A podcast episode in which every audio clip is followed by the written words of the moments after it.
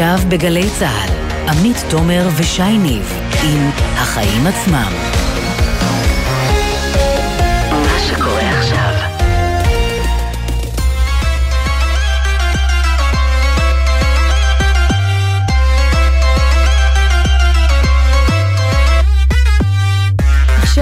שש ושלוש דקות, אתם על החיים עצמם, התוכנית הכלכלית-חברתית של גלי צה"ל.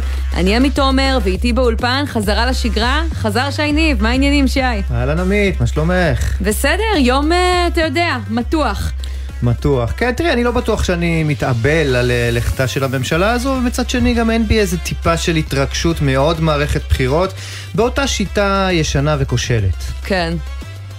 אז אה, אנחנו באמת אה, מחכים ככה לסיים עם אה, פיזור הכנסת, כדי שנוכל סוף סוף להתחיל עם מערכת הבחירות ולסיים עם הגסיסה הלא כל כך יפה של הכנסת ה-24. אז היום נדבר עם שניים על האירועים האחרונים, יושב ראש ועדת הכספים אלכס קושניר מישראל ביתנו וחברת הכנסת גילה גמליאל מהליכוד, חוק המטרו שתקוע, חוק המכר שדווקא עבר, ופיזור הכנסת, הרבה דברים על הפרק. כן, ועוד נושאים היום בתוכנית, מחיר הדלק שממשיך לעלות וכבר צפוי לחצות את רף ה-8 שקלים, ומחיר החשמל שבדרך להתייקרות גם הוא. נדבר גם עם אבי זינגר, מנכ"ל בן אנד ג'ריס ישראל, לראיון ראשון אחרי הודעת יוניליבר העולמית, שהודיע אחרי כל הסאגה שתאפשר לו למרות הכל למכור גלידה בכל רחבי הארץ, כן, כולל יהודה ושומרון. כן, סוף מתוק לסאגה הזאת, לפחות לחובבי הז'אנר. כן. אה, אנחנו נעסוק גם במחירי מוצרי החלב שצפויים לעלות ועל המכסים על הגבינות שדווקא ירדו.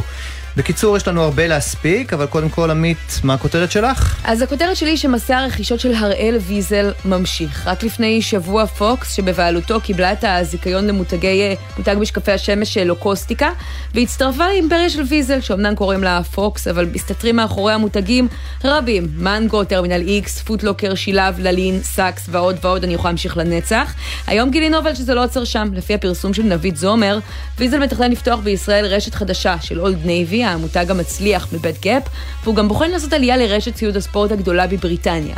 כל זה יגדיל עוד יותר את הכוח הגם ככה מאוד גדול של פוקס על הקניונים, על העסקים הקטנים, ובשורה של תחקירים שערכתי בעבר הראיתי איך ויזל משתמש לכאורה בכוח הזה כדי לדחוק את אותם שחקנים קטנים מהשוק ולהפעיל עליהם לחצים. אבל בפוקס טוענים, יותר מותגים זרים בישראל שווה יותר מבחר ויותר תחרות.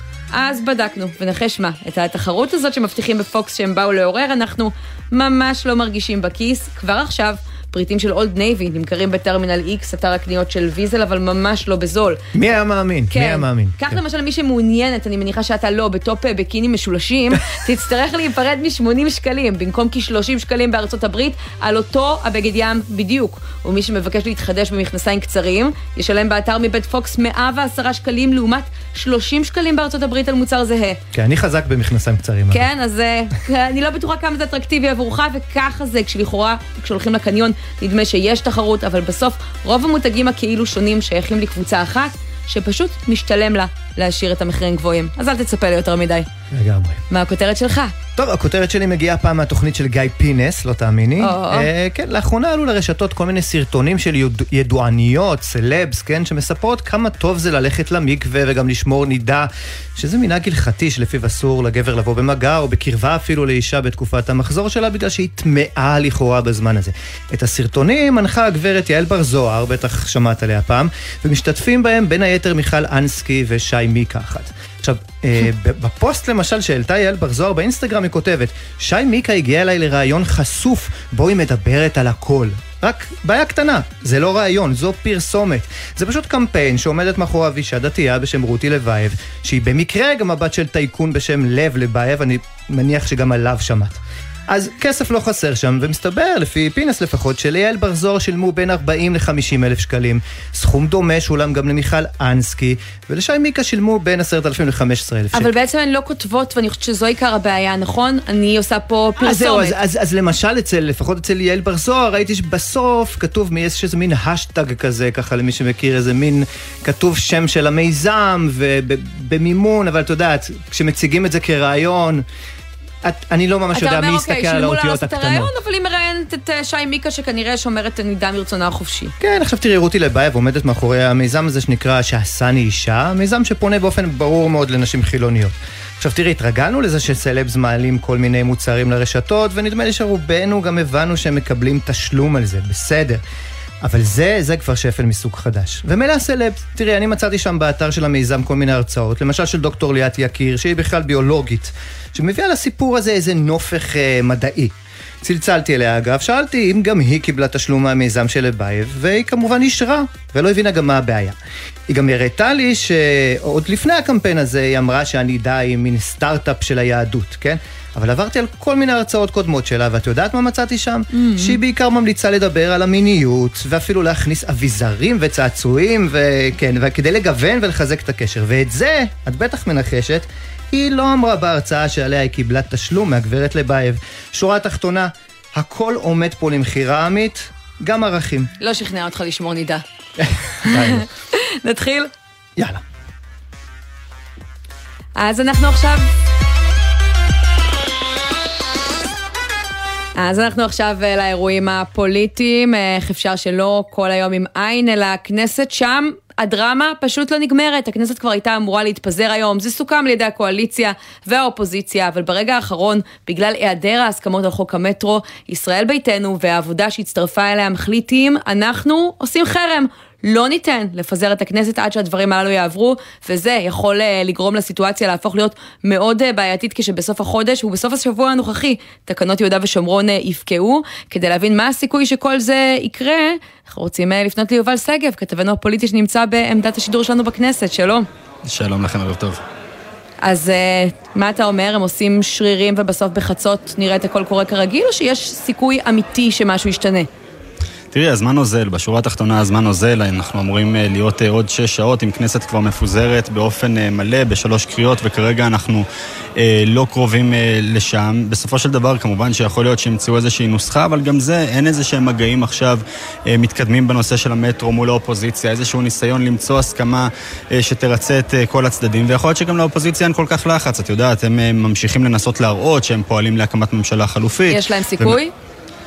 אפסי, צריכים להגיד, השיחות האלה נמשכות כל הזמן דרך מקורבים ודרך גורמים וכולי, אבל הסיכוי שיצליחו להקים ממשלה חלופית בכנסת הזאת אה, מאוד אה, מאוד אה, נמוך, אבל כן, כרגע ממשיכים פה לתקוע. בסוף הוויכוח הגדול הוא על התאריך? זה כל הסיפור?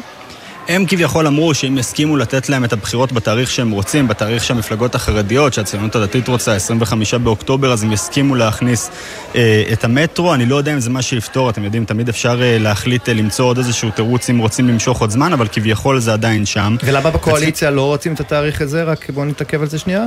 כי ברמת העיקרון, ב-26 באוקטובר, יום אחרי זה, חוזרים אה, אה, תלמידי הישיבות ללימודיהם מחופשת הקיץ וכולי, ואז אם אתה עושה ב-25 ולא אחרי, ביום שלישי שאחר כך, ב-1 בנובמבר, אז יש לך אותם כפעילי שטח ואנשי אה, אה, אה, סיוע בכל מה שהמפלגות האלה צריכות, אז זה כביכול ההתעקשות שם, אבל גם באירוע עצמו של המטרו, נכון שמי שתוקעים את זה עכשיו זה באמת ישראל ביתנו ומפלגת העבודה, אה, אבל צריכים להגיד, באירוע הזה, גם בתוך הליכוד, אתם מדברים פה היום עם חברי כנסת ואומרים, אנחנו צריכים לשחרר את זה, הציבור רוצה אה, את האירוע הזה, התקשורת הפכה את זה לאירוע יחסית גדול, ובסופו של דבר יש כאן איזושהי אה, התעקשות וקושי לרדת מהעץ המאוד גבוה הזה שטיפסנו עליו בנושא אה, של המטרו, וכמו שאמרתם, במקביל, מי שכבר רוכבת על האירוע הזה זאת הרשימה המשותפת, הסתכלו, ראו כי טוב, ראו שהאירוע פה מתעכב גם ככה, ואמרו, טוב, בואו נעכב אותו עוד קצת.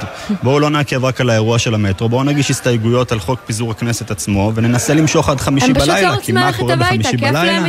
כן, נהנים, פשוט הייתה כנסת כנסת כל כך נעימה, ואת יודעת, אה, אה, אה, פועלת בצורה חברית ובצורה מוצלחת, שרוצים להישאר פה עוד קצת. כן, וכן, אגב, אם אנחנו אגב, מגיעים... אגב, שכר, צריך לומר, משלמים להם גם אם הכנסת מפוזרת וגם אם לא... כן, כן, גם למכהנים, גם לשרים, גם לנורבגים כמובן. באירוע של תקנות יהודה ושומרון זה אכן יכול להפוך לבעיה גדולה. אם אנחנו מגיעים לחמישי בלילה, התקנות האלה פוקעות, ואז בעצם נהרסת איפשהו התוכנית של בנט ולפיד באירוע הזה. הם באו ואמרו, אנחנו נפזר את הכנסת, וברגע שמפזרים כנסת, אז תקנות שכבר נמצאות בתוקף כן. נשארות איתנו. ברגע שאין תקנה שנשארת איתנו, כי התקנות כבר פקעו, שזה מה שיקרה ביום חמישי בחצות, צריכים לחוקק אותן בעצם מחדש, למצוא איזושהי דרך, וגם כן. זה יהיה מאוד מאוד קשה, בטח אה, במהלך אה, תקופת אה, בחירות. שוב, אנחנו שש שעות לדדליין, דדליין שאגב, אם אה, עד אליו לא מצליחים לפזר את הכנסת, אז גם מתעכבת הכניסה של לפיד למשרד אה, ראש הממשלה, הוא אגב נכון. כותב ממש לפני כמה דקות, אי אפשר לסכסך ביני לבין אביגדור ליברמן, מי שכביכול מעכב אותו מהכניסה ללשכת ראש הממשלה, אנחנו פועלים ביחד להעברת חוק המטרו. אז אתה תמשיך לעקוב יובל שגב, ומה שבטוח, לפחות לא יהיה לך משעמם. תודה רבה. אין ספק, תודה. בינתיים, ונצרף אלינו את חבר הכנסת אלכס אה, קושניר, שלום. שלום וברכה. יושב ראש ועדת הכספים מישראל אה, ביתנו. אז מה הסיכויים להערכתך שהכנסת אה, תפוזר עד היום בחצות כמתוכנן? אני לא עוסק בהערכת סיכויים. יובל עשה את זה פה לפניי מצוין, זו עבודתו. לא, לא. כפרשן, כאיש שמנסה בין היתר לקדם את חוק המטרו ולקדם פשרה בסיפור הזה. אז זו בדיוק הנקודה. אני שואלת איך הולך. תפקידנו כרגע זה אה, להביא לכך שחוק המטרו יעלה במסגרת ההסכמות, ואנחנו עושים כל מה שצריך כדי שזה יקרה. מה הסיכוי שזה יקרה? אה, אה, אנחנו מעריכים את הסיכוי כסיכוי גבוה, כי בסופו של דבר, את יודעת, מדובר בקונסנזוס מאוד מאוד רחב. מדובר בפרויקט לאומי הכי גדול שאי פעם שמדינת ישראל רצתה לעשות. אה, זה בעצם פרויקט שיפתור את כל בעיות התחבורה אה, בגוש דן. וההתנגדות של הליכוד, שאגב, בהתחלה ניסו להפיל את זה על המפלגות החרדיות, ואז אה, חלק מהח"כים מה- מהמפלגות החרדיות אמרו שהם בעד, ואחר כך רצו להפיל את זה על ציונות הדתית, וגם אז שמעו שהם בעד, ואז עברו לרשימה המשותפת, וגם הרשימה המשותפת אמרו שהם בעד. אבל אתה יודע, אנחנו ברור- מדברים כל הזמן על זה ברור. חלקה, אנחנו מדברים על חלקה של האופוזיציה בעניין הזה, אבל אתה יודע, המטרו אה, לא עבר פעם אחת כי הוא הוצא מחוק ההסדרים כבר באוגוסט שנה שעברה. ופעם שנייה בגלל אותה סיבה שבה אתם מפזרים עכשיו את הכנסת, כי פשוט אין לכם רוב בכנסת. אז אבל במה זה בסופו שונה? של דבר, אז, אז, אז זה שונה בצורה מאוד מאוד אה, מהותית. היום אנחנו נמצאים אה, לקראת פיזור הכנסת. ובשלב הזה כל השיקולים הפוליטיים צריכים להיות בצד, ואנחנו צריכים לנסות להעביר את כל אה, הדברים הטובים, שהם טובים ל- לטובת אזרחי ישראל. עכשיו תראו, מסתובב פה חבר הכנסת יואב קיש, כמו איזה שריף בטקסס, וסוחר ב- בראשי צאן. זה מה שעושה, לא באמת מנסה לפתור בעיות, אה, בעיות מהותיות. כשאני שומע שהתנאי להעברת חוק המטרו זה אה, הקדמת תאריך בחירות, אז אני מבין שאין פה שום דבר אבל מהותי. אני חייבת להגיד לך משהו על זה. קודם כל, אני אה, מסכימה איתך, אבל אני חושבת שזאת הפוליטיקה משני הצדדים. ובסופו של דבר, אני אומרת, אם מדובר בפרויקט התשתיתי הכי חשוב אה, שמדינת ישראל אה, צריכה עכשיו, למה לא להקדים את הבחירות אה, ב- בשבוע? הרי בסוף, מה הם אומרים? אה, בגלל אה, סיפור הישיבות, אז יותר אנשים יבואו להצביע, יותר אנשים ישתתפו בחגיגה הדמוקרטית. גם אם הם לא מהצד שלכם, אני חושבת שזה האינטרס של כולנו. אז אני אגיד לך, יש פה אה, ניסיון אה, להטות את אה, תוצאות הבחירות על ידי אה, מתן אה, יתרון... למה להטות? לגרום לזה יתרון- שיותר אנשים ייגשו להצביע, זו דמוקרטיה. רגע, לא, לא מדובר בכמות המצביעים, מדובר בכמות הפעילים, יש הבדל. Mm. בסופו של דבר, אה, הרי כל אזרחי ישראל צריכים להיות במצב אה, דומה או זהה. אז אם הסטודנטים לומדים, אז גם בני ישיבות צריכים ללמוד. לכן צריך לבחור תאריך שהוא בעצם נותן אה, תנאים שווים לכולם. זה הסיפור. הם רוצים לנסות על ידי סחיטה פוליטית אה, לקבל אה, לעצמם איזשהו יתרון תחרותי אלקטורלי.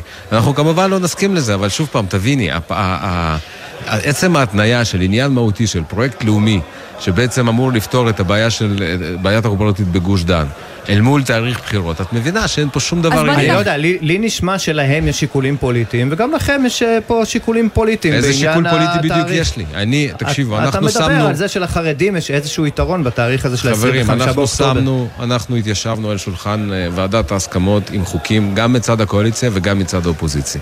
והחוקים האלה נבחנו האם זה לטובת הציבור או לטובת כל מיני דברים אחרים. כל החוקים שהם לטובת הציבור נכנסו לתוך, ה, אה, נכנסו לתוך ההסכמות. ואגב, אני אתן לכם דוגמה, נגיד חוק, ה, אה, חוק האומיקרון, Mm. שאנחנו הולכים להעביר אותו עכשיו. והחוק הזה, היו עשרה דיונים אצלי בוועדת כספים. ארבעה דיונים היו ענייניים לגופו של החוק. ועוד שישה, שישה דיונים היו הפלת של, הפלה של יותר מאלף אה, הסתייגויות רבות. כן, לא ענייניות. החוק הזה היה צריך אה, לעבור. איך החוק הזה היה. צריך לעבור כבר אבל מזמן. חבר הכנסת קושניר, עד כמה רחוק תיקחו את הסיפור הזה? כי בסוף יש לכם תחמושת לעוד 24 שעות, ביום חמישי בלילה תקנות יהודה ושומרון יפוגו. אם עד אז לא תצליחו לשכנע את יתר חברי הכנסת לתמוך בחוק המטרו, מה יקרה?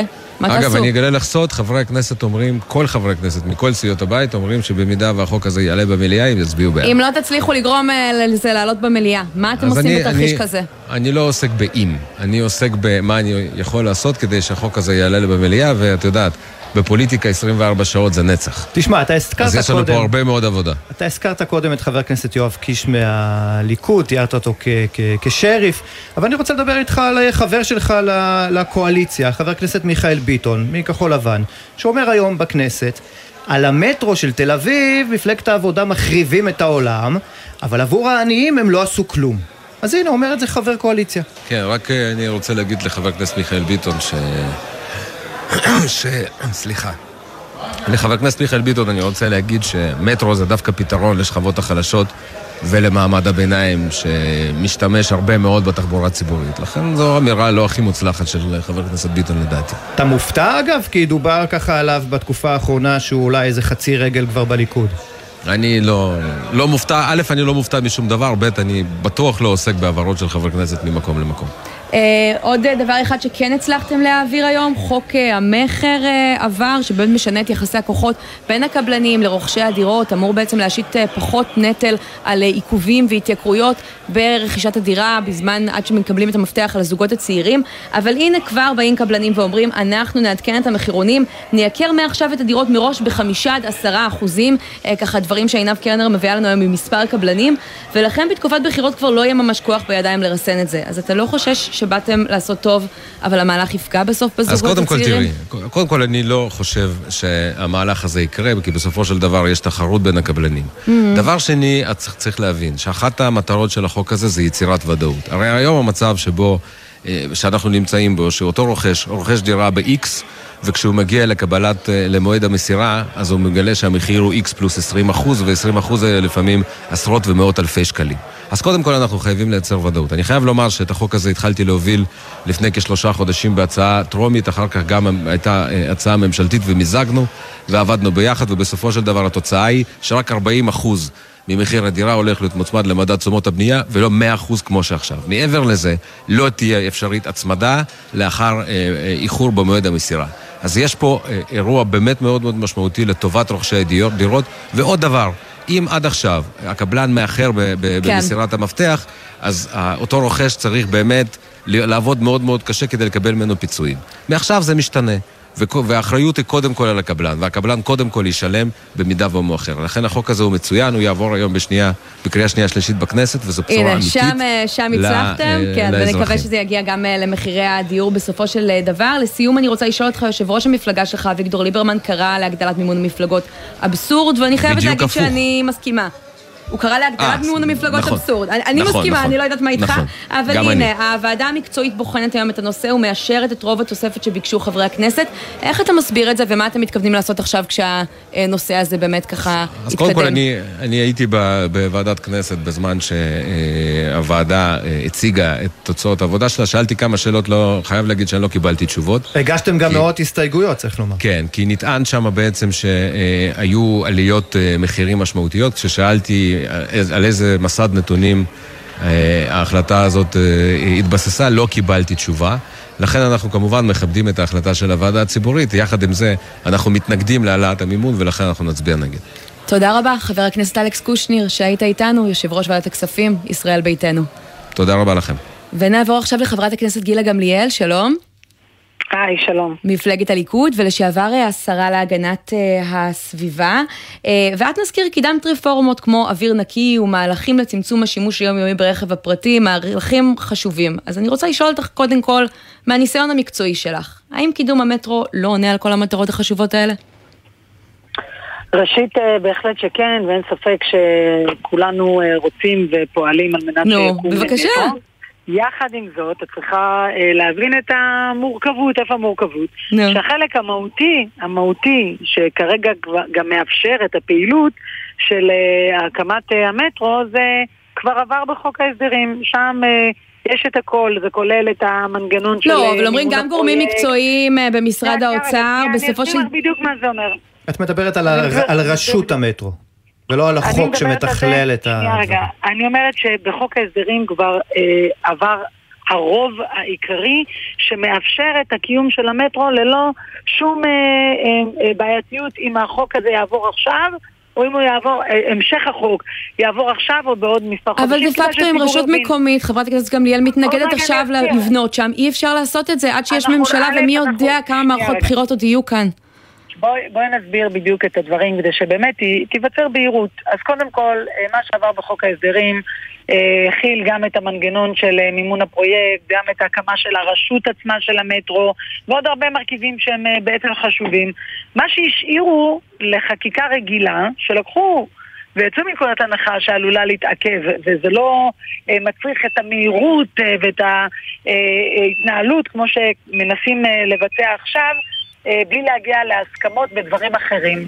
ועל כן פה, אם זה יעבור עכשיו, או אם זה יעבור עוד חצי שנה, זה לא יהיה דרמטי מבחינת ההתנהלות אה, של הפרויקט. אבל למה לא להעביר את זה עכשיו? הרי גם ככה עד שהמטרו אה, ייבנה ייקח עוד הרבה שנים. לא, לא אמרתם שלא? זה מה שקורה דה לא, פקטו בימים האחרונים. לא, מה שקרה, לא, מה שקורה... לא, נדמה לי שחברת הכנסת אה, מירי רגב מהמפלגה שלך אה, תתווכח איתך, כי יש לה כל מיני השגות. היא גם חושבת שעדיף אולי לעשות רכבת מקריית שמונה אה, לאילת, היא אמרה את זה הבוקר. במקביל צריך גם לעשות את הרכבות לאזור הפריפריה. אבל רגע בוא נשאיר את הוויכוחים של אנשים אחרים בצד ונתרכז רגע במהות. המהות אומרת דבר אחד פשוט, במהלך השנה האחרונה לצערי, אה, הקואליציה הזאת הייתה באמת בריונית בהתנהלות שלה ובניסיון שלה לכפות בכורח, בכורח ממש, על האופוזיציה ובכלל את אה, אה, הרבה מאוד מן הדברים, כולל עכשיו. עכשיו צריך להבין שמה שקורה בזמן פיזור כנסת זה עניין של הסכמות. הסכמות, יש דברים שהאופוזיציה חפצה בהם. אמרת שאתם אולי תסכימו, והם מסכימים, ואתם חושבים שזה חשוב, והם חושבים שזה חשוב, ותשמעי, כשמירי רגב, איך שאנחנו שוב אה, חוזרים אליה, אמרה, החלטנו שאנחנו רוצים להפיל את הממשלה, אין כאבי בטן, לא מחיילים, לא מנכים וכו' וכו', זה עורר הרבה ביקורת, אבל עכשיו, שנייה, בעיניי עליתם עוד מדרגה בציניות. שנייה, עכשיו את מראיינת אותי, או שאת רוצה שעכשיו כל היום אני אגיב על מה שאחרים אומרים? עכשיו את וחברייך למפלגה, אז עזבי את הציטוט, עכשיו את וחברייך למפלגה עושים את אותו דבר, אין לכם אה, בטן ריקה לשום דבר, רק אחרי שכבר הצלחתם במשימה להפיל את הממשלה. הניסיון הציני הזה באמת לא מוביל לשום דבר. אם רוצים להיות ענייניים בשיח הזה, אני אשמח אני חושבת שזה מאוד ענייני, הדבר הענייני זה להעביר את חוק המטרו. לא להתעסק בפוליטיקה. התכנסנו פה, בשביל העניין הענייני. את רוצה לראיין את עצמך, לענות, לשאול, לכעוס, להגיב, אז אני מקשיבה. לא, אני רוצה להיות עניינית, בבקשה. קדימה. נו, אני מחכה, סיימת? כן. אז אפשר עכשיו לדבר יפה. לגבי חוק המטרו, כפי שאמרתי, אה, אנחנו כבר היינו מספיק אחראים להעביר את כל ההיבטים בחוק ההסדרים של כל הצרכים המיידיים על מנת שהפרויקט עצמו יצא לדרך, יפעל ויתקדם. הוא פועל ומתקדם. יחד עם זאת יש דברים נוספים שמצריכים יותר היבטים רגולטוריים, יותר בירוקרטיים, ואותם גם צריך להעביר. כמו מה? תני, תני לנו דוגמה אחת. אז הנה, אנחנו פה בשביל העניין המהותי, הענייני, תני לנו דוגמה. נכון. איזה דבר היית מתקנת? יש כל מיני היבטים, לא, אני אומרת, ההיבטים שעוד רוצים לקדם, זה נניח כל מיני אה, תיאומים של אה, תשתיות ורגולציה, או אה, כל מיני הקמות של אה, דיור אה, ציבורי מעל התחנות, דברים שהם באמת פרוצדורליים לא מחויבי המציאות לבצע אותם כאן מיד ועכשיו. ועל כן זה לא... זה אה, פשוט להטעות ולטעון שעכשיו באים... אלה נושאים שאת ניסית לקדם? הגשת איזה הסתייגות בעניין? לעולם. אבל מה שאני מנסה לומר, לא, זה החוק הקיים, ברגע שהוא יגיע עכשיו אה, לפתחנו, אז זה מה שיעבור. אפשר להעביר את הדברים הללו במידה, וגם יקדמו דברים נוספים שרוצים באופוזיציה. לדוגמה, אנחנו רוצים כבר לסיים, אם, אם כבר יוצאים לבחירות, שזה דבר הזוי לצאת לבחירות עכשיו, אפשר להקים ממשלה הרי בראשות נתניהו כבר עכשיו. אתם מנסים עדיין? ולייצר פה ממשלה יציבה, וחובה לה... אנחנו מנסים כל הזמן. יש סיכוי אה, לדעתך? אני מקווה שגם... אפשר לדעת, בפוליטיקה כבר הצבענו פעם בקריאה בפעם ראשונה, בקריאה נגיד... ראשונה, ומצאנו את עצמנו עם מופז בממשלה רחבה במיוחד. נגיד סתם, אני זורק שם באוויר, מיכאל ביטון מכחול לבן, יכול להצטרף אליכם היום? עוד פעם, אני לא נכנסת לאיזשהו שיח פרסונלי, אני מאוד מוקירה ומעריכה את אה, חברי חבר הכנסת מיכאל ביטון, אבל זה לא, לא רלוונטי בכלל, אין פה שיח פרסונלי, יש פה שיח מהותי של להשאיר את כל המשקעים בצד, את כל הווטו בצד על אנשים ולהתקדם על מנת להקים פה ממשלה יציבה, אה, כמו שאנחנו קידמנו בעשור האחרון, ללא העלאות מיסים, עם כלכלה פורחת, עם הסכמי שלום, עם ביטחון אישי, עם גאווה לאומית. כן. ואלה דברים שאנחנו יודעים לעשות, ובשביל לצאת לבחירות עכשיו, כדי למצוא את זה, אם לא משנים את השיטה, שיטת הבחירות בישראל היא מורכבת ובעייתית, היא מאפשרת למפלגות קטנות להיות סחטניות ברמות. כן, אבל אתם, אתם תמיד מדברים על זה לפני הבחירות. רגע אחרי הבחירות אתם לא עושים כלום. רגע אחרי הבחירות אתם לא עושים כלום כדי לשנות את השיטה. לא אתם ולא הממשלה הנוכחית. אם היו, אם היו משכילים עכשיו אה, לבוא ולהגיש הצעה שאחד, אה, מי שיהיה בפעם הבאה ראש ממשלה זה רק אחד משתי המפלגות הגדולות, היו עושים פה כבר חסד. למשילות במדינת ישראל לגבי המערכת בחירות הבאה. אז לסיום... אמר שלא נמצא את עצמנו באותו תרחיש שיבוא איזה אה, מועמד אה, גם אה, עם אה, מגלומניה להיות ראש ממשלה בכל מחיר, ועם ארבעה מנדטים אה, אנחנו לא מכירים כאלה יכול להיות שפשוט נמצא עצמנו בתרחיש של בחירות כן, אחרי בחירות אחרי בחירות, נשמע לי יותר סביר, אבל תגידי, אה, באמת שאלה על משילות. במידה וישראל ביתנו ימשיכו בהתנגדות שלהם לפזר את הכנסת, האם תיתנו לתקנות יהודה ושומרון ליפול? כי בסוף ברמה הערכית... אתם תומכים בהם, אחרת לא הייתם מעבירים אותן שוב ושוב ושוב מדי שנה כשהיוצרות היו הפוכות. בואי אני אסביר לך דבר אחד. אה, עושה רושם, וזה גם אה, שיח שמדברים עליו הרבה בכנסת, שמה שמנסים אה, לעשות אה, באופוזי... בקואליציה זה לגרור אותנו אה, על מנת שנתפתה לאשר את התקנות של יו"ש, ואז הם ירכיבו את הממשלה מחדש, מכיוון שהנה כבר אין את המורכבות של הבעיה הזו. אז אה, אנחנו אה, לא ניתן יד להמשך ממשלה כושלת רעה מאוד, שפוגעת באזרחי מדינת ישראל בפן הכלכלי, המדיני, הביטחון האישי. אה, ועל כן אנחנו כאן לא נאפשר את כל המשחקים והשטיקים שמנסים okay. אוקיי. לעשות גם ערב פיזור כנסת ולייצר את הממשלה הרעה הזאת מחדש. חב... אלה חלק מהדברים שקיימים פה בכנסת לצערנו. חברת הכנסת גילה גמליאל. שישכילו לשים את המשקעים האישיים בצד ויתקדמו כבר לעתיד טוב יותר בראשות נתניהו ממשלת ימין יציבה. אני מאחלת לכולכם לשים את המשקעים בצד, באמת. תודה רבה שדיברת איתנו. תודה רבה, יום טוב. ועכשיו אנחנו למה שנקרא החיים עצמם, כי בזמן שהפוליטיקאים אה, רבים ויש דברים עתידיים שאולי יקרו ואולי לא יקרו, תלוי אה, איך הם אה, יקומו מחר, עוד שעה. יש לנו הם, דלק למלא באוטו. כן, מחירי הדלק ממשיכים לעלות ועוברים את השמונה שקלים לליטר, וכמו שזה נראה כרגע, את הבעיה הזאת המטרו לא תפתור בקרוב.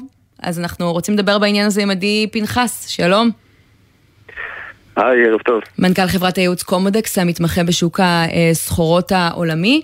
אה, ואני רוצה לשאול אותך, אני מודה שאותי העלייה הזו במחירי הדלק כל כך דרמטית קצת הפתיעה, כי אנחנו כן רואים בימים האחרונים אה, שמחירי חביות הנפט מתמתנות, הם כבר לא בשיאים שהם היו אה, מאז תחילת הלחימה בין רוסיה לאוקראינה. אז מה קרה עכשיו?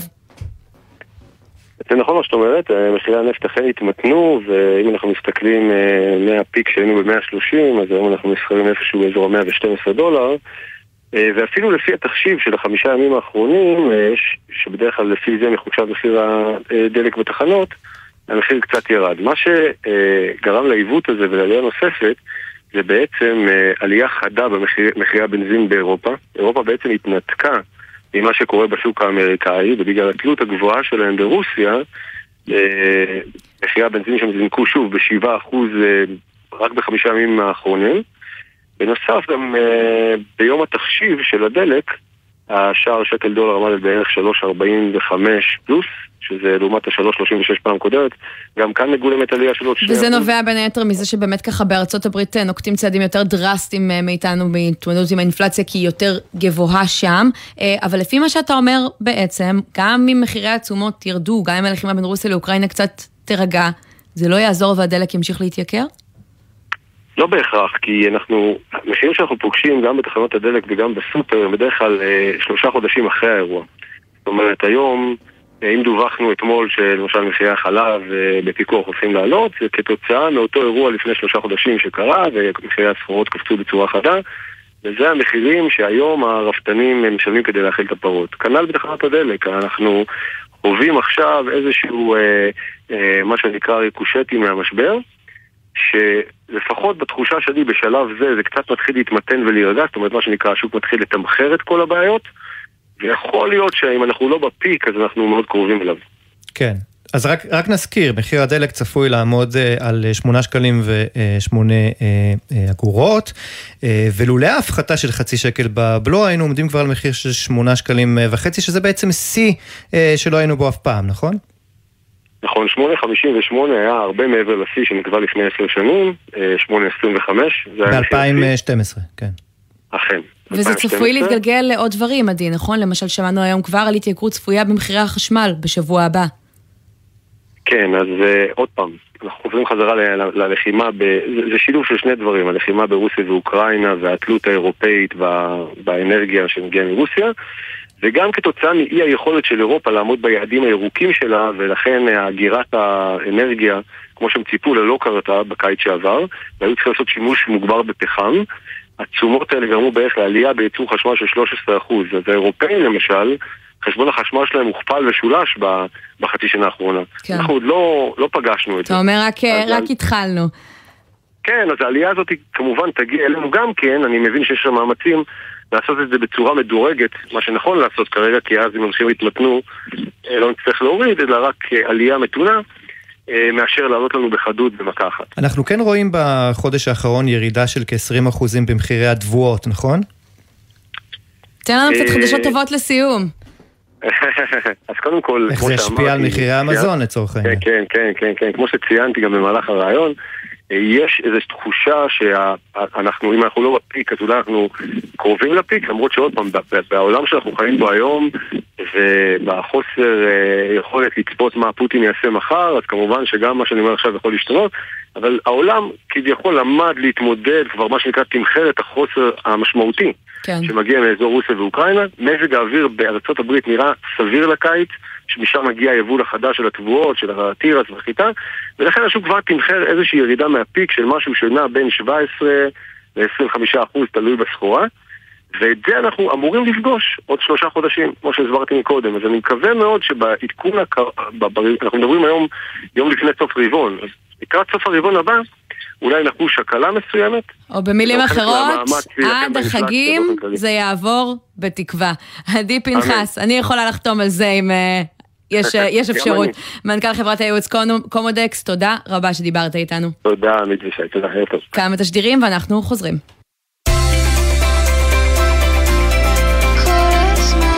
גלי צה"ל, יותר מ-70 שנות שידור ציבורי.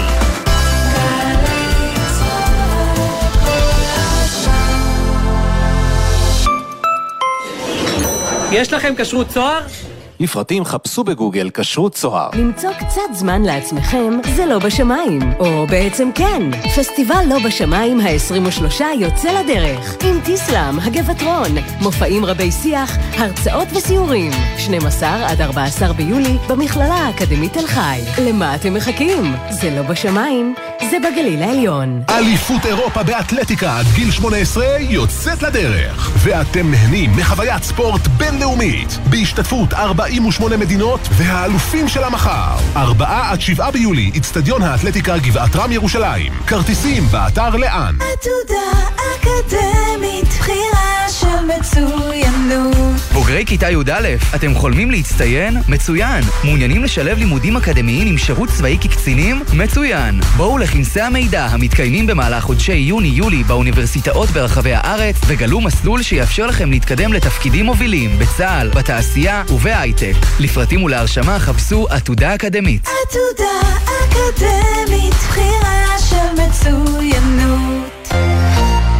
אילנה, את יודעת מה קורה אם יוצאים? מגיעים למקומות נפלאים. אז זה בדיוק מה שנעשה בבטבע שלנו, הסכת חדש למטבעי לכת. הצטרפו אלינו ותמצאו איתנו שבילים נסתרים, תעלומות ארכיאולוגיות והשראה לטיולים הבאים. כי לדעתנו, חוויית טיול טובה יכולה להתרחש בכל זמן, ולא רק בסופי השבוע. אז קדימה, הביאו נעליים טובות ולפחות 4 ליטר סקרנות.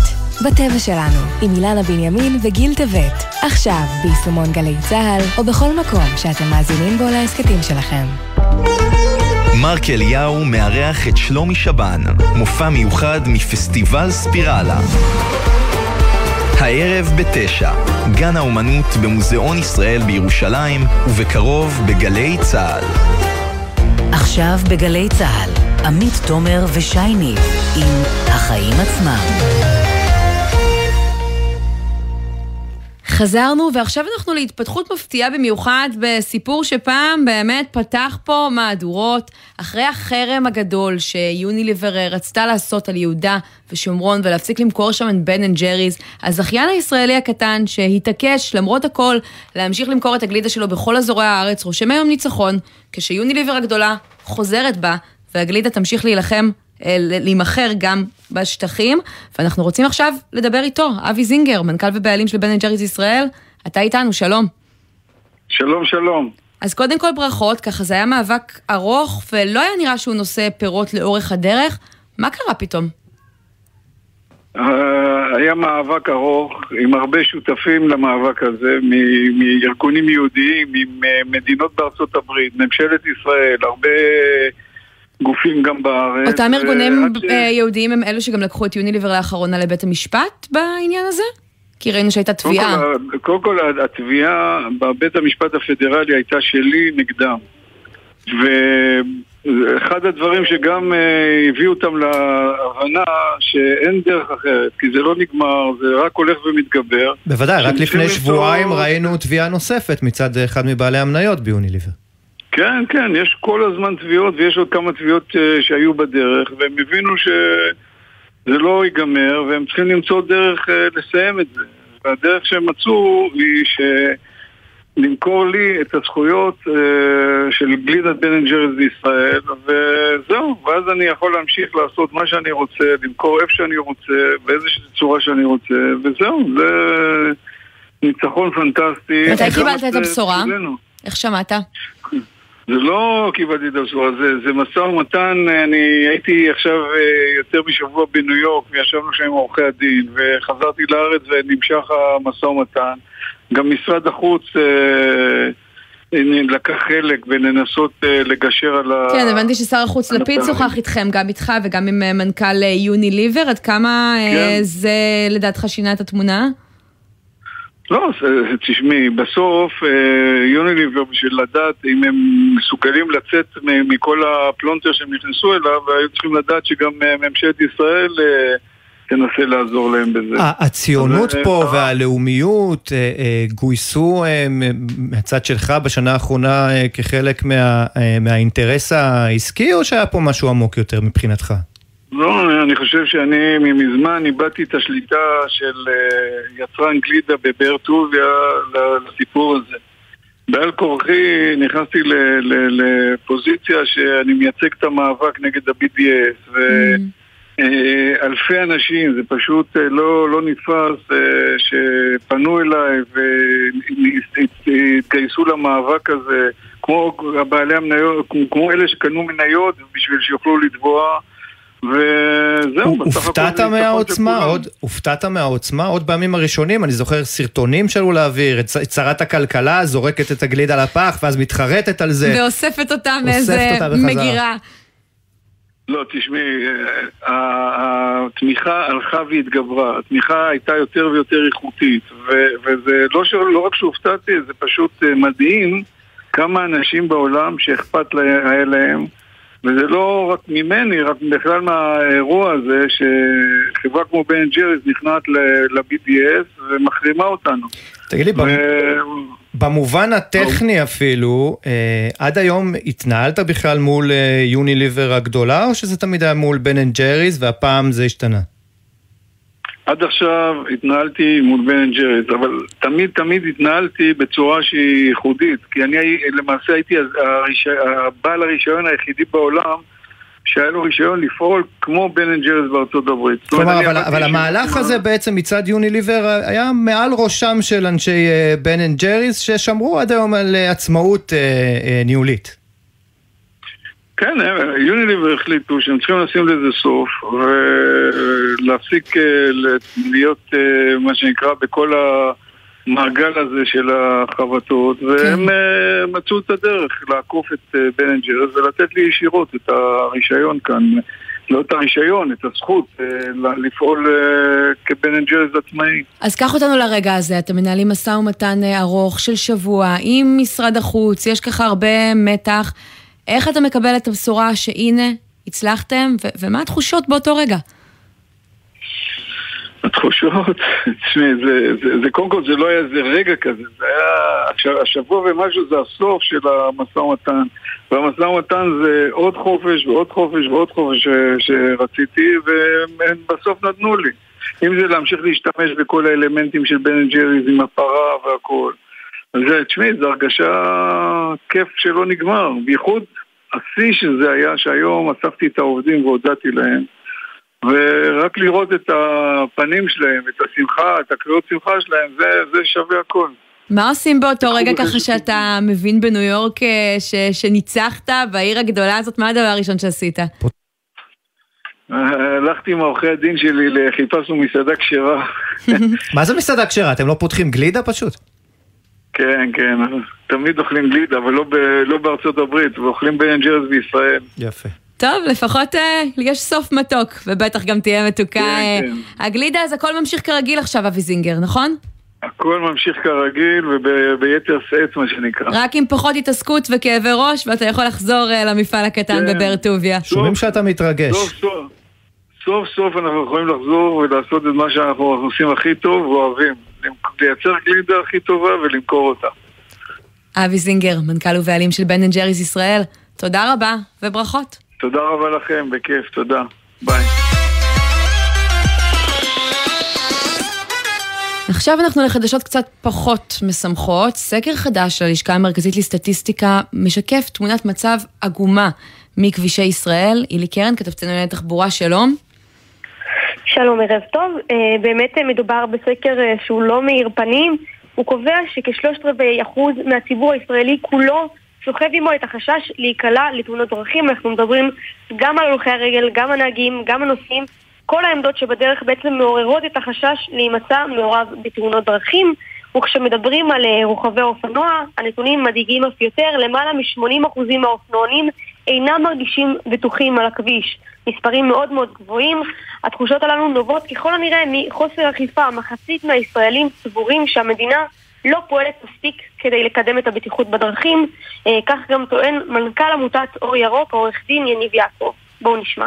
תוצאות הסקר ממחישות לנו עד כמה מדינת ישראל כושלת במאבק בתאונות הדרכים. זוהי תמונת מראה עגומה וכואבת שעולה גם בחיי אדם. משרד התחבורה והבטיחות בדרכים ומשטרת ישראל חייבים להפנים כי נושא תאונות הדרכים תופס מקום מרכזי בחיי הציבור הישראלי וגורם לו לחשש ולדאגות רבות אילי, התחושות האלה מתבססות על אה, דברים שבאמת קורים בשטח? כלומר, כשאנחנו מסתכלים מה קורה בשנים האחרונות, אה, יש איזשהו שינוי בכמה אה, אוכפים, אוכפים פחות, לא אוכפים יותר? אז באמת בזמן האחרון הרוב האנשים הרגישו שהם נוסעים בכביש אפילו על קורקינטים, גלגינוע, אופניים חשמליים וגם כשהם עוברים על החוקים אין אף שוטר ברחוב שיבוא וייתן את הדוח במידה וצריך ולכן גם אה, לפני כשבוע ועדת הכלכלה אה, העבירה את הסמכויות האלה, את סמכויות האכיפה לפקחים העירוניים כדי שככה יהיו יותר, אה, אה, שהאזרחים יוכלו להרגיש את האכיפה גם ברחובות, בתוך הערים אה, וזה בעצם אמור להגביר את האכיפה ואולי גם אה, להרתיע את האנשים מפני אה, ביצוע עבירות. אה, וזה גם מה שמוביל להרוגים רבים אה, אה, בתאונות דרכים. אנחנו נזכיר שמתחילת השנה נהרגו 179 אה, בני אדם בתאונות דרכים, מספר אסטרונומי, אבל אנחנו מדברים, נמצאים אה, ירידה ביחס אה, לשנה שעברה, ירידה מאוד מאוד קלה. בשנה שעברה המספר היה אה, מעט יותר גבוה ועמד על 183 הרוגים. אז אילי, כשאת אה, מדברת עם משרד התחבורה, ככה, אחרי פרסום הנתונים, מה אומרים לך שם? אה, בגדול במשרד התחבורה וברשות הלאומית לבטיחות בדרכים אה, מברכים אה, בלשון, אה, בסוג של מברכים על זה שהנתונים אה, ככה, שאנשים בעצם נרתעים ומפחדים. זה בעצם מראה שהם מודעים לסכנות שעל הכביש. אה, משרד התחבורה מסר לנו אה, בתגובה שעם כניסתה לתפקיד הציבה שרת התחבורה והבטיחות בדרכים, חברת הכנסת מרב מיכאלי, את סוגיית הבטיחות בדרכים בראש סדר העדיפויות של המשרד. התקציב השנתי הושקע על ידי המשרד במאבק בתאונות דרכים, מסתכם כיום בכ-2.3 מיליארד שקלים. הרלב"ד פועל בימים אלה לגיבוש התוכנית הלאומית לבטיחות בדרכים, שתצמצם את הנפגעים בתאונות הדרכים ותתכלל את כן, המדיניות. אתה, בתחום אתה הזה. מבין, שי, אנשים, אה, הם שמחים שאנשים מרגישים לא בטוחים, במקום לגרום להם להרגיש אה, בטוחים. בדיוק. אילי קרן, כתבתם על תחבורה, תודה רבה. תודה.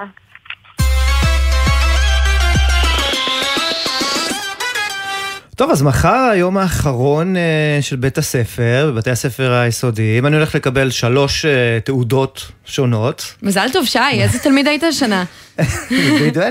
תלמיד לא הייתי אה, יוצא דופן, אה, הבנות שלי די, כן. אה, עושות איזה תיקון. אה, ואנחנו ככה רוצים לדבר אה, בעניין הזה עם יעל ביבר אביעד, היא מנהלת האינקובטור לבתי ספר אה, מקדמי שוויון ורל... ו... ורלוונטיים בעמותת חותם. שלום יעל. Hi. אה, את אה, ניהלת אה, לא מעט שנים בית ספר בראשון לציון, בית ספר אלונים, שעושה דברים קצת אחרת, כי, שעשה דברים קצת אחרת, כי את יודעת, אנחנו מדברים הרבה מאוד בתקופה האחרונה על ענייני שכר ושביתות, וזה תמיד איפשהו בין כמה ישלמו יותר וכמה חופשות פחות יקבלו. קצת שכחנו שזה לא הכל. וזה לא הכל, ואנחנו רוצים באמת לדבר על זה איתך, איך עושים את הדברים אחרת, ואולי קצת ספרי לנו קודם איך זה עבד באותו בית ספר בראשון לציון? אה, אז אני קודם כל רוצה להגיד שאני ממש שמחה שאתם מתייחסים לזה. השכר של מורים הוא חשוב, והיחס אליהם חשוב לא פחות, אבל זה לא מספיק. זה, זה לא די בזה. אה, בית ספר אלונים הוא בית ספר אה, ציבורי, ומה שעשינו שם זה לקחנו צוות של מורות שהן רואות עצמן כמפתחות, מפתחות של תוכניות לימודים. אה, ואני כמנהלת אה, נתתי להם את המרחב בשביל ליצור, וגם נתתי להם את המסר שזאת המשימה שלהם. חשוב רק לומר, זה, בית, זה בית, זה, זה בית ספר ציבורי, במימון ציבורי, זה לא בית ספר פרטי. לגמרי, ציבורי לכל דבר בעניין, עם אפס תוספת משאבים, אה, ובגלל שהוא נמצא בשכונה מעורבת, שחלק מהאוכלוסייה היא מוחלשת, אפילו את התל"ן של הכי בסיסי, שרוב בתי הספר גובים, לא גביתי. זאת אומרת, זה הכל היה לגמרי בתוך המשאבים של החינוך הציבורי הכי בסיסי שיש. אמ, כן. אני חושבת שאני רוצה להגיד עוד משהו. אז מה היה ההבדלים אצלך בעצם? במקום תעודות, מה היה? אז אה, במקום תעודות היה משוב, שהילדים מכיתה א' מהמחצית הראשונה היו שותפים בהערכה שלהם, זאת אומרת הייתה הערכה של מורה. מבחנים היו? וגם הערכה של ילדים. לא היו מבחנים, היו מיפויים, הסברנו לילדים, וזה אמת, שאנחנו רוצים לבדוק את עצמנו, אם אנחנו מלמדות אותם טוב. שיעורי בית?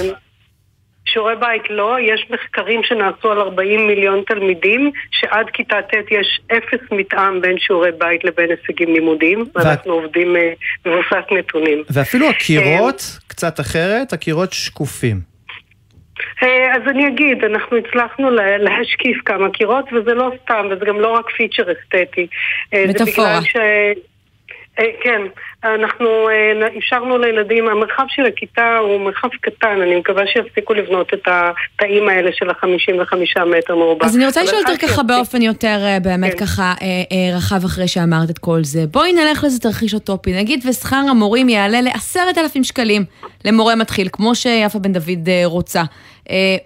מה עדיין ככה, האם זה מה שיגרום לעסק לעבוד כמו שצריך, או מה עדיין יהיה לנו חסר במערכת החינוך הנוכחית, שכסף לא יוכל לגשר עליו.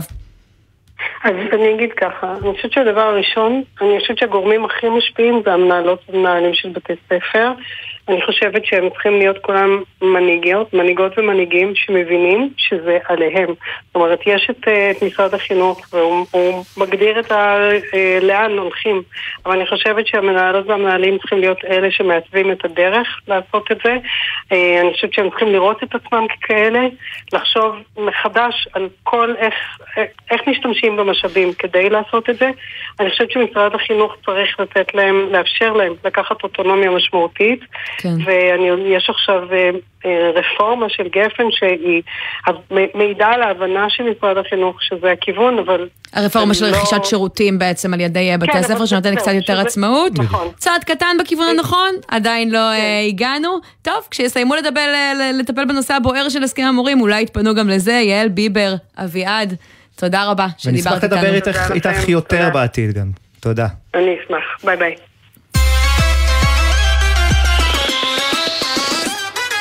עכשיו אנחנו לכוס החלב שלנו, או לגבינות אה, הנלוות אליה. יש חדשות רעות וחדשות טובות בהסכם החלב שנחתם אתמול. מחירי החלב יעל, יעלו, אה, המפוקחים בחמישה אחוז, אבל באותה נשימה המכס על גבינות שמנות, קשות, כמו מוצרלה, חלומי, קורגונזולה ועוד, ירד, יבוטל, אה, ואנחנו אה, רוצים להבין מתי נרגיש את ההוזלה הזאתי, וכמה זמן ייקח לעומת מתי שנרגיש את ההתייקרות, שזה יהיה בקרוב מאוד. נפנה לארז וינר, מנכ"ל ווילי פוד, שלום.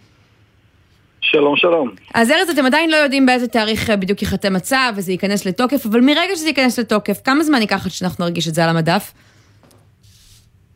אנחנו חברה זריזה, כך שאני מניח שחודש אה, פלוס מינוס אחרי שהצווים ייכנסו לתוקף, נוכל באמת להביא את הגבינות אה, במחירים ובהתאם למכסות שייפתחו. אנחנו מחכים עדיין לקבל את הפירוט ואת המינון המדויק. כן, ואתם מביאים את הגבינות של יורו מחלבות אה, אירופה. עכשיו בעקבות ההחלטה הזאת, תביאו יותר סוגים של גבינות, או רק תורידו את המחיר? אנחנו כבר היום מביאים את כל אותם סוגים שצוינו ורבים אה, נוספים. בעצם אנחנו מביאים מארצות המקור את כל אותם גבינות. גורגונזולה זה גבינת עובש איטלקית, חלומי זה גבינה קפריסאית. או, אני, אני מוכרח לומר שזו הפעם הראשונה שמעתי היום את השם גבינת גורגונזולה. באמת? ממש, לגמרי. כן, אני, אני, אני, אני... ואכלתי איזה קמומבר פעם אחת או שתיים אני אביא לך לשידור הבא. אה, אז אה, אתה מוזמן, אה, הבאנו גורגונזולה לא מזמן. איטלקית מעולה, אתה בהחלט מוזמן לטעום. ארז, זה לא הגבינות הראשונות שמורידים להם את המכס, ראינו את זה בגבינות הצהובות, ביוגורטים וכולי. בכמה זה חסך? כמה זה הוריד את המחיר לצרכן, אם אני יורדת ככה למספרים? אז תראי, בסוף זו, זאת השאלה הטובה והנכונה, כי חלומי, גורגונזולה, זה, זה נישות, זה נחמד, אבל זה לא מה שבאמת הופך את, ה, את יוקר המחיה לנסבל. Mm. המהות זה במסות. אז המכסים המכסות והורדת המכסים על הגבינות הצהובות, הגבינות הקשות, שכבר אה, קרתה שנתיים ושלוש אחורה, רק הגדילו את המכסות השנה. הלכה למעשה, אנחנו מוכרים היום גבינה אה, צהובה, גאודה מה שנקרא, גבינה אמיתית, כי גבינה צהובה זה המצאה ישראלית, גאודה הולנדית אותנטית, במחיר שהוא כשליש ממחיר הגבינה המקבילה של המותג המוביל בארץ. כן, רגע, ואתה אומר... גבינות... אתה, אתה אומר בעצם הגבינות האלה הן יותר ככה מיוחדות, אפשר לומר אה, איזוטריות, לא בהכרח לקהל הרחב, אה, אבל באותה נשימה מוצרי חלב מאוד בסיסיים, אה, כמו הגבינה הלבנה, הגבינה הצהובה של עמק, המחיר שלהם עולה בגלל שהם בפיקוח וזה חלק מההסכם, אז ההסכם הזה עושה יותר נזק או תועלת לצרכן הישראלי לדעתך? ואיך היה אפשר אולי לעשות את זה אחרת? איך, איך אפשר לעשות אחרת זאת שאלה טובה, שהיא יותר שאלה פוליטית משאלה כלכלית. בשורה התחתונה יש פה שני, שתי רגל, שני רגליים. רגל אחת היא הרגל של הממשלה. הממשלה יכולה לפתוח, אה, להוריד מכסים ולתת אה, מכסות. הדבר השני שהממשלה יכולה לעשות, וגם מאוד משמעותי ליוקר המחיה, הוא לפתור את, אה, את בעיית השינוע, כי בסוף גם כשאני כבר מביא את הגבינה, מהולנד או מאיטליה, היא עומדת בכניסה לנמל, ואחרי שהיא נכנסת לנמל היא מחכה בתור למשרד הבריאות, שעומד היום על כשלושה שבועות. אבל תשמע, בסוף, ו... אתה יודע, אני מסתכל על זה מהצד, לי זה נראה כאילו אה, אה, אה, מטיבים עם החזקים ומסדרים להם גבינת אה, גורגונזולה, תסלחו לי, אה, בזול, אבל מעלים את המחיר של הגבינה הלבנה. אז גם בעניין הזה של גבינות אה, לבנות היה, אה, הייתה בשורה השנה שכבר נכנסה לתוקפה. בוטלו המכסים על גבינות של עד חמישה אחוז. עדיין המחיר שלנו לא יותר זול מהמחיר המפוקח, אנחנו לא שם. אז uh, אני ממש מתנצל לומר לך ש... באמת? בפעם הבאה שאת מגיעה לסופר, תקשי ותחפשי את גבינת השמנת או את הגבינה הבולגרית המעודנת של וילי פוד חמישה. בכמה אתה מוכר? 50 אחוז מהמותג אה, אה, באותה קטגוריה. אבל זה לא מפוקח, 50... גבינה בולגרית זה לא מחיר מפוקח, אם אני אשווה גבינה לבנה לגבינה לבנה, את המחיר המוצר המפוקח, זה לא מוריד את זה מעבר לזה, אלה הגבינות היקרות. אם את יודעת, אם את יכולה לקנות היום בסופר, אה, גבינה בולגרית במחיר... אבל אם אין לי כסף לקנות את הבולגרית, אז אני צריכה לקנות את המפוקחת, אין לי ברירה. למה לא מייצרים תחרות על המוצרים הבסיסיים? תראי, יש שאלות שעם כל הכבוד וההערכה שיש לי ליכולות אה, שלנו. אתה לא הכתובת, נכון. כן. לא, אני שואל את דעתך. אני רק חייב, לדעתי אתה שוב חוזר פה למישור הפוליטי של אה, קבוצות כן. לחץ וקבוצות השפעה, ובשורה התחתונה, אם תרשו לי באמת בשני משפטים, אחד, הרגל החשובה והמסיימת היא הצרכן הישראלי. כי כבר היום כן. זכות כל אותם הקלות ומכסות אה, ומכסים שהתבטלו בשנה האחרונה, אפשר למצוא על המדפים סחורות מצוינות. ארז וינר, וגם נוספות. מנכ"ל ווילי פוד, אתה שומע את המוזיקה, אנחנו מוכרחים לסיים, אבל תודה רבה ששוחחת איתנו. ורגע לפני סיום פונים ליובל שגב לעדכון קצר מהדקות האחרונות. חברי הכנסת מצאו דרך נוספת להגדיל את תקציב הבחירות. איך הם מתכוונים לעשות את זה, יובל? מפתיע. אני אגיד שזה טיפה מורכב כדי להסביר בזמן הקצר שנותר לנו, אבל כן עדכון אה, אה, חשוב שקורה ממש בדקות האחרונות. דיברנו בתחילת השעה על תקנות יהודה ושומרון, על ההסתייגויות שהמשותפת הגישה בנושא הרשימה המשותפת כדי למרוח את זה ולהגיע לפקיעת התקנות לפני פיזור הכנסת, אז הצליחו להסיר את ההסתייגויות שלהן, חלקם בגלל שהם פשוט שכחו להגיע לוועדה וההסתייגויות נפלו באופן אוטומטי, אז לפחות בגזרה הזאת של תקנות יהודה ושומרון, כנראה נמנע בלאגן שיכול... בגזרה אחת אפשר להירגע. יובל שגב, תודה. כן. נגיד תודה גם לבן נצר העורך שלנו, לתומר ברקאי, בר גולדפר וצח הלל שהפיקו על הביצוע הטכני אור מטלון ומוטי זאדה, עורכת הדיגיטל הייתה יולי אמיר, שי ניב, תודה רבה. תודה, נהיה פה שוב. בראשון, ביי. בחסות הפניקס סמארט, המציעה ביטוח משכנתה שיוכל לחסוך לכם עד אלפי שקלים. חייגו כוכבית 5432 או חפשו הפניקס סמארט בגוגל. הפניקס חברה לפיתוח בע"מ. בחסות אייס, המציעה את אייס sale! אירוע המכירות השנתי במגוון מחלקות. היום ומחר, כוננית ספרים רחבה ב-199 שקלים. המבצעים בסניפים, אייס. בחסות אוטודיפו, המציעה מצברים לרכב עד השעה תשע בערב בסניפי הרשת, כולל התקנה חינם. כי אין סיבה לשרוף את שישי במוסך. אוטודיפו. גלי צה"ל, יותר מ-70 שנות שידור ציבורי.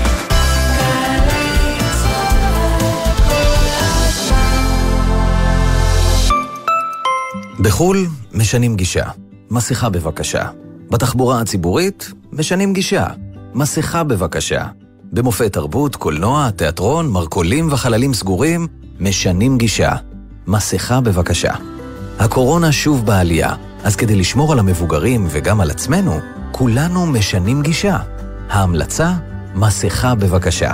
מטה ההסברה למאבק בקורונה. צוותי חינוך, מנהלות בתי ספר ומנהלים. המכון למורשת בן גוריון מציע לכם עשרות תוכניות חוויה במסגרת מערכת גפן של משרד החינוך. מנהיגות, חברה, יזמות, מורשת וערכים נפגשים בפעילויות מעוררות השראה לתלמידות, לתלמידים ולכם המורים. הפעילויות מתקיימות בשדה בוקר ואצלכם בבית הספר. חפשו המכון למורשת בן גוריון. שלום, כאן אשר אזולאי, מנהל מועדון יותר. אני גאה להציג בפניכם בפעם הראשונה, לא אחד, לא שניים, אלא שלושה אירועים ענקיים בפארק הירקון, גני יהושע תל אביב. עדן, ספרי להם. בחמישה ביולי, פסטיבל יותר למסיימי י"א. בשישה ביולי, פסטיבל יותר למתגייסים, ובשבעה ביולי, מופע יחד בפארק לחיילים. רוצים לדעת מי הופיעו באירועים? לכל הפרטים, היכנסו עכשיו לאתר מועדון יותר.